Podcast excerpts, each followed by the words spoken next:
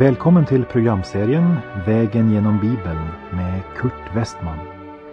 Vi håller nu på med Johannesevangeliet. Slå gärna upp din bibel och följ med. Programmet är producerat av Norea Radio.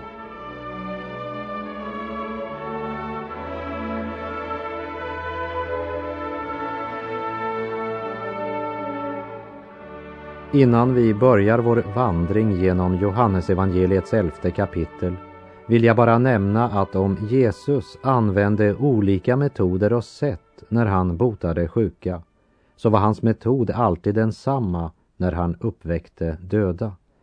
Han kallade på dem, talade till dem som om de hörde honom. Och jag tror att när Jesus kommer igen så ska vi alla höra våra namn ropas ut, för han ska uppväcka oss från de döda. Johannes 11, vers 1 och 2. En man som heter Lazarus låg sjuk. Han var från Betania, byn där Maria och hennes syster Marta bodde. Det var den Maria som smorde Herren med välluktande balsam och torkade hans fötter med sitt hår. Och Lazarus, som låg sjuk, var hennes bror. Detta skrevs cirka 90 år efter Kristi födsel. Och vid den tiden kände folk till att Maria hade smort Jesu fötter med balsam. Doften från denna smörjelseolja sprider sin vällukt över världen än idag.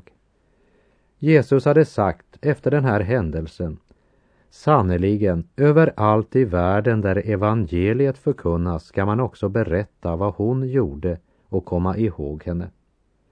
Och jag tror att det är många ödmjuka människor som bryter sönder sin alabasterflaska, som ska få större erkännande i himlen än många välkända kristna ledare som fick så mycket publicitet här nere.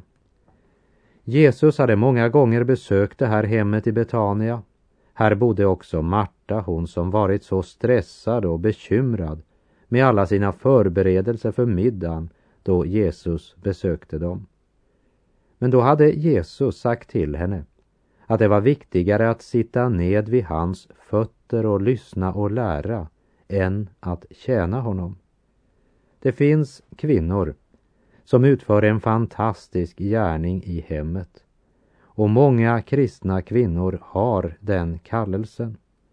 Medan andra har sin kallelse utanför hemmet genom söndagsskolearbete, bibelklasser eller olika uppgifter i församlingen.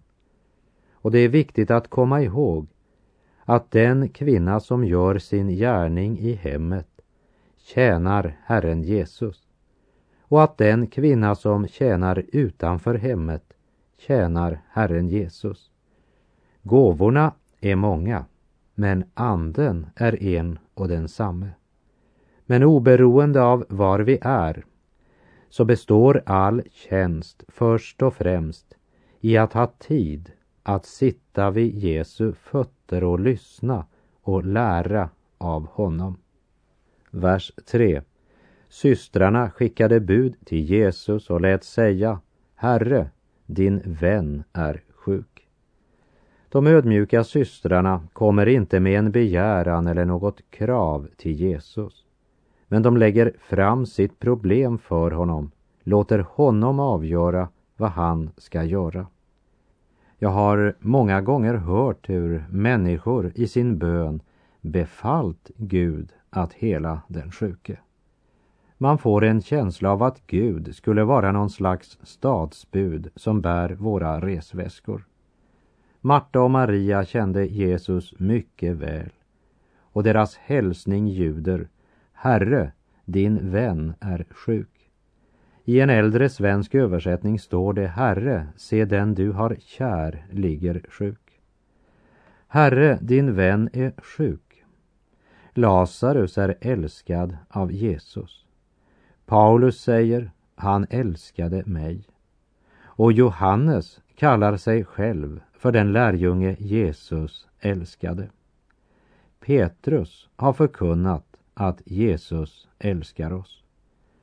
Systrarna säger inte Jesus, älskar du inte Lazarus eftersom du har låtit honom bli sjuk? Har han eh, för liten tro? De ser inte sjukdomen som ett tecken på att förhållandet mellan Lazarus och Jesus inte skulle vara rätt. Jesus, din vän Lazarus är sjuk. Vers 4. När Jesus hörde det sa han, den sjukdomen leder inte till döden, utan ska visa Guds härlighet, så att Guds son blir förhärligad genom den. Vid denna tid befann sig Jesus inte i Betania, men det var en budbärare som kom med hälsningen från systrarna. Jag har mött människor som hävdar att en som verkligen är en kristen ska aldrig vara sjuk. För det är aldrig Guds vilja. Jag skulle önska att Lazarus hade varit här för att berätta om detta. Sjukdom är inte ett tecken på att Gud inte älskar dig. I Predikaren 9, vers 1 står det Ja, allt detta har jag besinnat och jag har sökt pröva allt detta, hur det rättfärdiga och det visa och deras verk är i Guds våld. Varken om kärlek eller hat kan en människa veta något i förväg. Allt kan förestå henne. Man kan med andra ord inte utifrån människans livssituation säga om hon är älskad av Gud eller inte. Här har vi ingen rätt att döma. I Första Korinthierbrevet 4, vers 5 står det Fäll därför ingen dom i förtid innan Herren kommer. Han ska låta ljus falla över det som ligger dolt i mörkret och avslöja allt som människorna har i sinnet. Jesus älskar Lazarus när han ligger sjuk i Betania. Och inte bara det, men Jesus ska låta Lazarus dö. Men han älskar honom fortfarande. Han älskar dig när du är sjuk. Och han älskar dig när du är frisk. Han älskar dig alltid. Verserna 5 och 6. Jesus var mycket fäst vid Maria och hennes syster och Lazarus. När han nu hörde att Lazarus var sjuk stannade han först kvar två dagar där han befann sig. Jesus hade alltså dessa tre syskon mycket kära. Du kan inte hindra Jesus från att älska dig. Och du får komma till honom med frågan varför han tillåter vissa saker hända i ditt liv. Jag vet inte varför det händer, men jag vet att han älskar dig. Och han älskar dig vare sig du är en kristen eller inte. Du kan inte hindra honom från att älska dig. Du kan inte hindra solen från att skina. Men du kan gå bort från solens sken och placera dig själv i skuggan. Och du kan sätta upp en parasoll som hindrar Guds kärlek att lysa över ditt liv. Och det får ju konsekvenser. Därför att han älskar oss kan vi komma med frimodighet till honom med alla våra problem. Frimodighet betyder här att du är fri till att komma och öppna ditt hjärta för honom. Frimodighet betyder inte att du kan befalla, kommendera Gud. Prövningar sätter vår tro på prov och får oss att böja våra stolta knän. Om och om igen böjde Moses sig i bön inför Herrens ansikte under ökenvandringen. Döparen Johannes lärjungar kom till Jesus med den förkrossande nyheten att Johannes var halshuggen. Det är nere i dalen, min vän, ja, till och med i dödsskuggans dal, att vi måste lära oss att förtrösta på honom.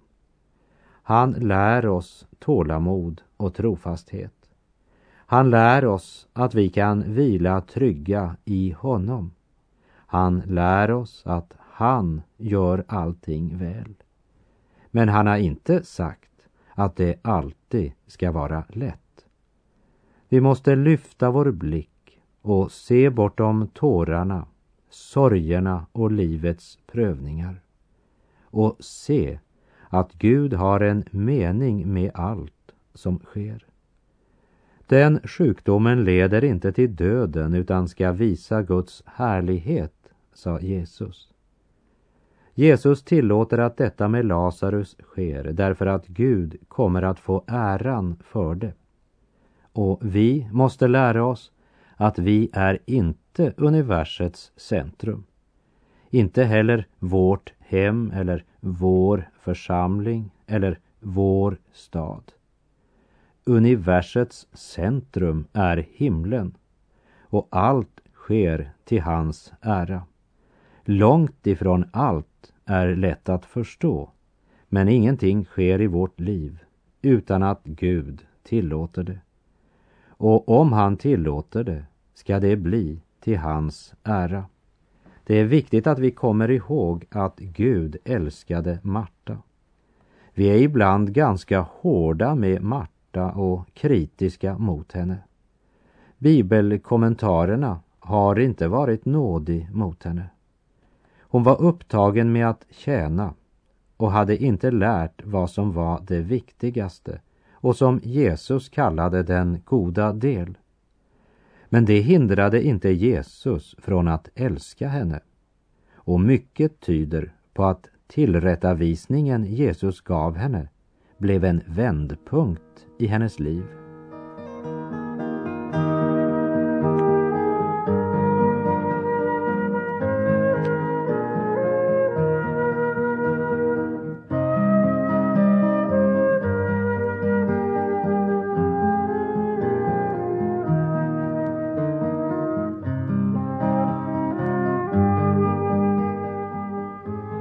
Verkar det inte brutalt att Jesus lät Lazarus dö. Men låt oss ge akt på detta, för här ligger ett lärorikt budskap gömt. Herren Jesus drevs inte av känslor eller av den tillfälliga stämningen, men drevs av vad Gud ville.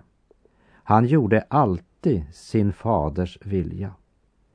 Mänskligt medlidande hade fått honom att hasta iväg till Betania med en gång. Men han lät helt medvetet Lazarus dö. När Jesus sa att denna sjukdom leder inte till döden så måste de som hörde det ha uppfattat det som om Lazarus inte skulle dö. Men Jesus hade en djupare mening. När något blir människan till döden vill det säga att det för evigt skiljer oss från Gud. Det var inte det som skulle ske med Lazarus. Hans kropp skulle avsomna och det skulle bli till ära för Gud och hans son. Vers 9 och 10. Jesus svarade, har dagen inte tolv timmar? Den som vandrar om dagen snavar inte, eftersom han ser denna världens ljus. Men den som vandrar om natten, han snavar, eftersom ljuset inte finns i honom. Det är tolv timmar på en dag. Det kan du inte förändra. Och därför att Fadern har givit Sonen ett verk att utföra så kan ingenting stoppa honom. Det är en stor andlig princip. Gud har givit varje människa ett livsverk. Du kan inte förlänga det med en enda dag. Mer än du kan förhindra solen att gå ner på aftonen. Men som en av våra fäder uttryckte det, en Jesu Kristi stridsman är odödlig tills hans gärning är färdig. Ingenting inte ens Satan kan om inte göra Guds plan i ditt liv om du vandrar med honom. Det enda som är farligt är att inte följa honom. Du kan inte hindra Jesus från att älska dig. Men att gå bort från honom och inte vandra i ljuset är farligt, livsfarligt. För då är du i mörker, borta från Jesus, världens ljus. Och den som vandrar i mörkret, han snavar, når inte målet. Döden hade gästat Betania. Och om det ska bli ljus i denna mörka situation så måste Jesus gå dit. Han är världens ljus. Verserna 11 till och med 15. Efter att ha sagt detta fortsatte han. Vår vän Lazarus sover. Men jag går dit för att väcka honom.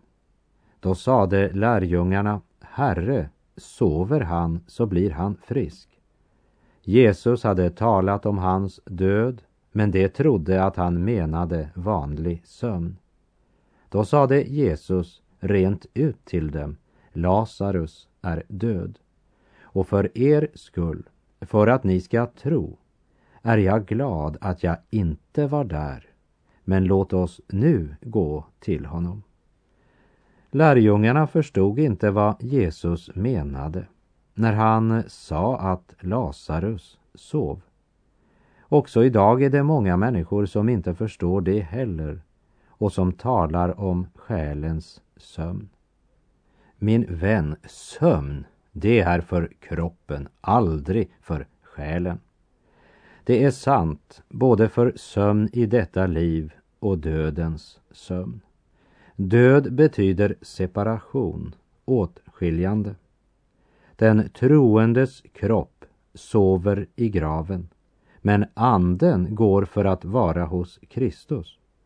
För den troende så är döden att vara borta från kroppen och hemma hos Herren, som det står i Andra Korinterbrevet 5.8. Jesus kallas för förstlingen av de avsomnade. Betyder det att Jesus sover någonstans idag? Absolut inte. Han är i sin förhärligade kropp. Den troende går ögonblickligen för att vara med Herren, men kroppen sover till uppståndelsens morgon, då den på Jesu ord ska uppresas igen. I Första Korinthierbrevet 15.42 står det Så är det också med de dödas uppståndelse. Det som blir sått förgängligt uppstår oförgängligt. Ordet sömn är det vackraste ord när det gäller att uttrycka en troende människas död. Kroppen har bringats till sömn för att väckas upp av vår Herre. Han är den enda som har väckarklocka. Han är den enda som kan uppväcka döda. Döden är en verklighet. För kroppen är den en fruktansvärd verklighet. Men kom ihåg att också uppståndelsen är en verklighet. Du förstår att människan går bort vid döden. Även på ett sjukhus tar det slut vid döden. Läkarna och sköterskor arbetar febrilt med en patient. Men sedan, när han dör, upphör arbetet. När döden kommer är deras arbete slut. Vetenskapen står hjälplös inför döden. Där människan måste ge upp, där börjar Jesus. Uppståndelsen är också en verklighet. En man sa en gång till mig, när du dör så dör du som en hund. Och jag svarade, ja, hoppas inte du att det är sant. Men, sa jag, om det inte är sant och jag tror att det bekymrar dig en del, då är du illa ute, eller hur? Han vände sig och gick. Han ville inte tala mer om den saken. Döden är inte det sista. Men döden är inkörsporten till evigheten. Hör detta, du människobarn. Du har en odödlig själ. Människans största olycka är att hon förtränger tanken om att hon har en odödlig själ och att hon en gång ska möta Gud, vare sig hon vill eller inte. Johannes 11, vers 16. Thomas, som kallas tvivlaren, sade till de andra lärjungarna, låt oss gå för att dö med honom. Jesus har i klara ord sagt att Lazarus är död. Thomas kan inte se längre än hans lekamliga ögon ser. Därför uppfattar han bara delar av Jesu budskap. Jesus hade tydligt sagt till dem, Lazarus är död. Och så sa han, för er skull, för att ni ska tro, är jag glad att jag inte var där. Låt oss nu gå till honom. Thomas har inget hopp när det gäller Lazarus, men vill gå till Betania för att dela sorgen. Låt oss gå för att dö med honom, det vill säga låt oss gråta med de gråtande. Jesus däremot, han gläder sig vid tanken på hur det som nu ska ske kommer att styrka lärjungarnas tro och skapa frukt i Lazarus liv som vi ska se senare.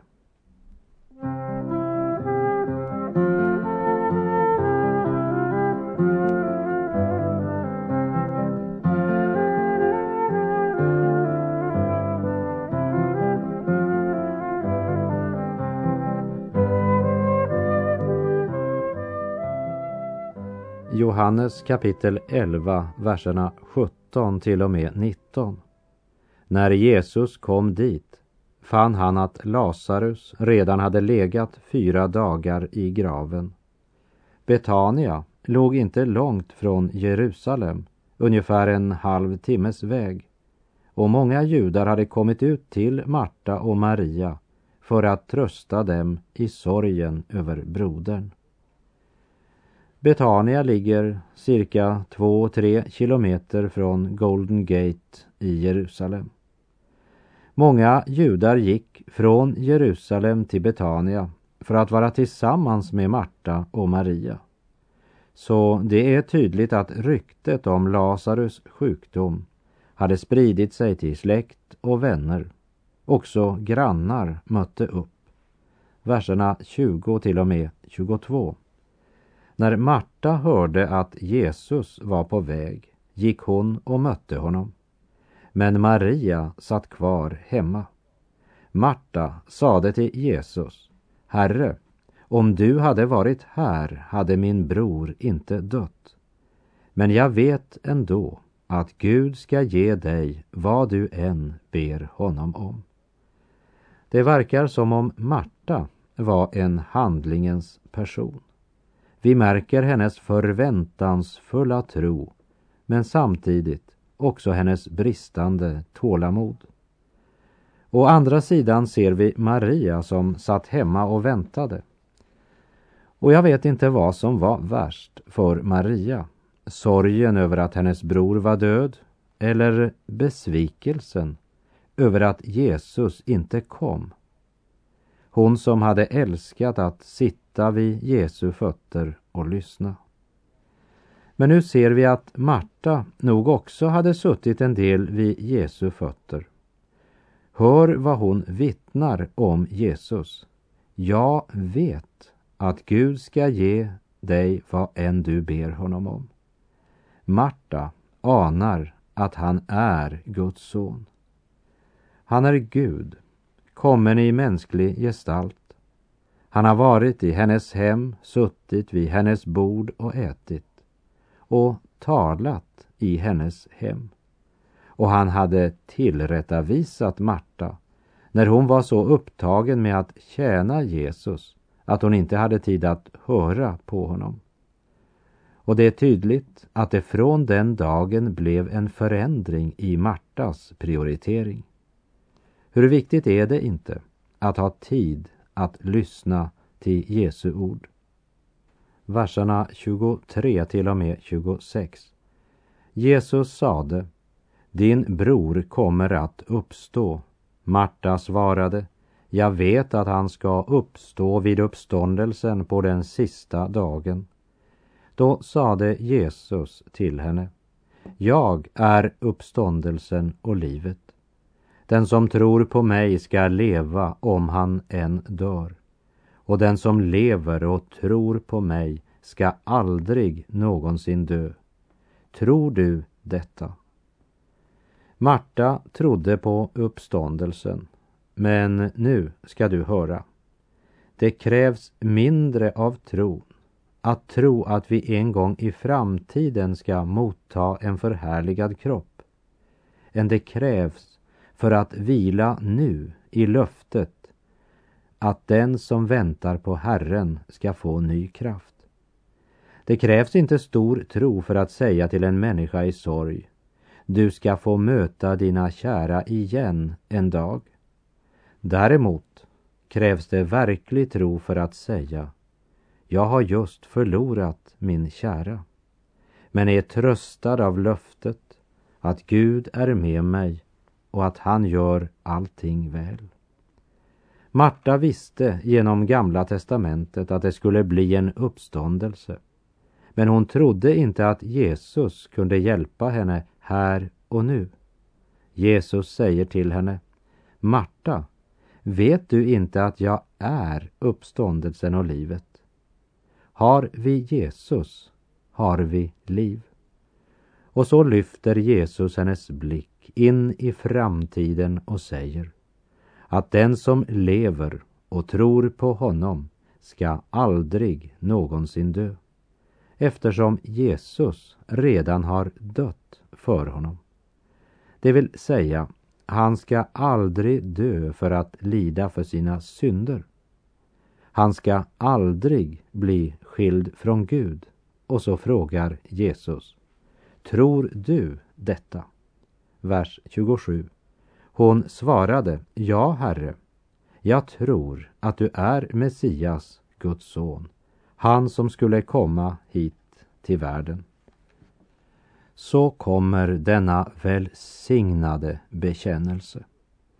Jesus är för Marta både Messias och Guds son som skrifterna vittnar om.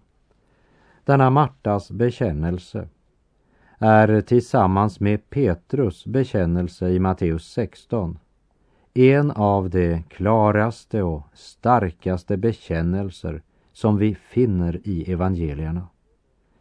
Låt oss komma ihåg att från hemmet i Betania med tre syskon som alla var nära vänner med Jesus så är det Marta som ger denna fulltonande bekännelse. Hon förstod att han var Messias. Det var det Marta som bekände. Låt oss aldrig glömma det. Och där är tiden ute för den här gången och jag säger på återhörande om du vill. Herren vare med dig. Må hans välsignelse vila över dig. Gud är god.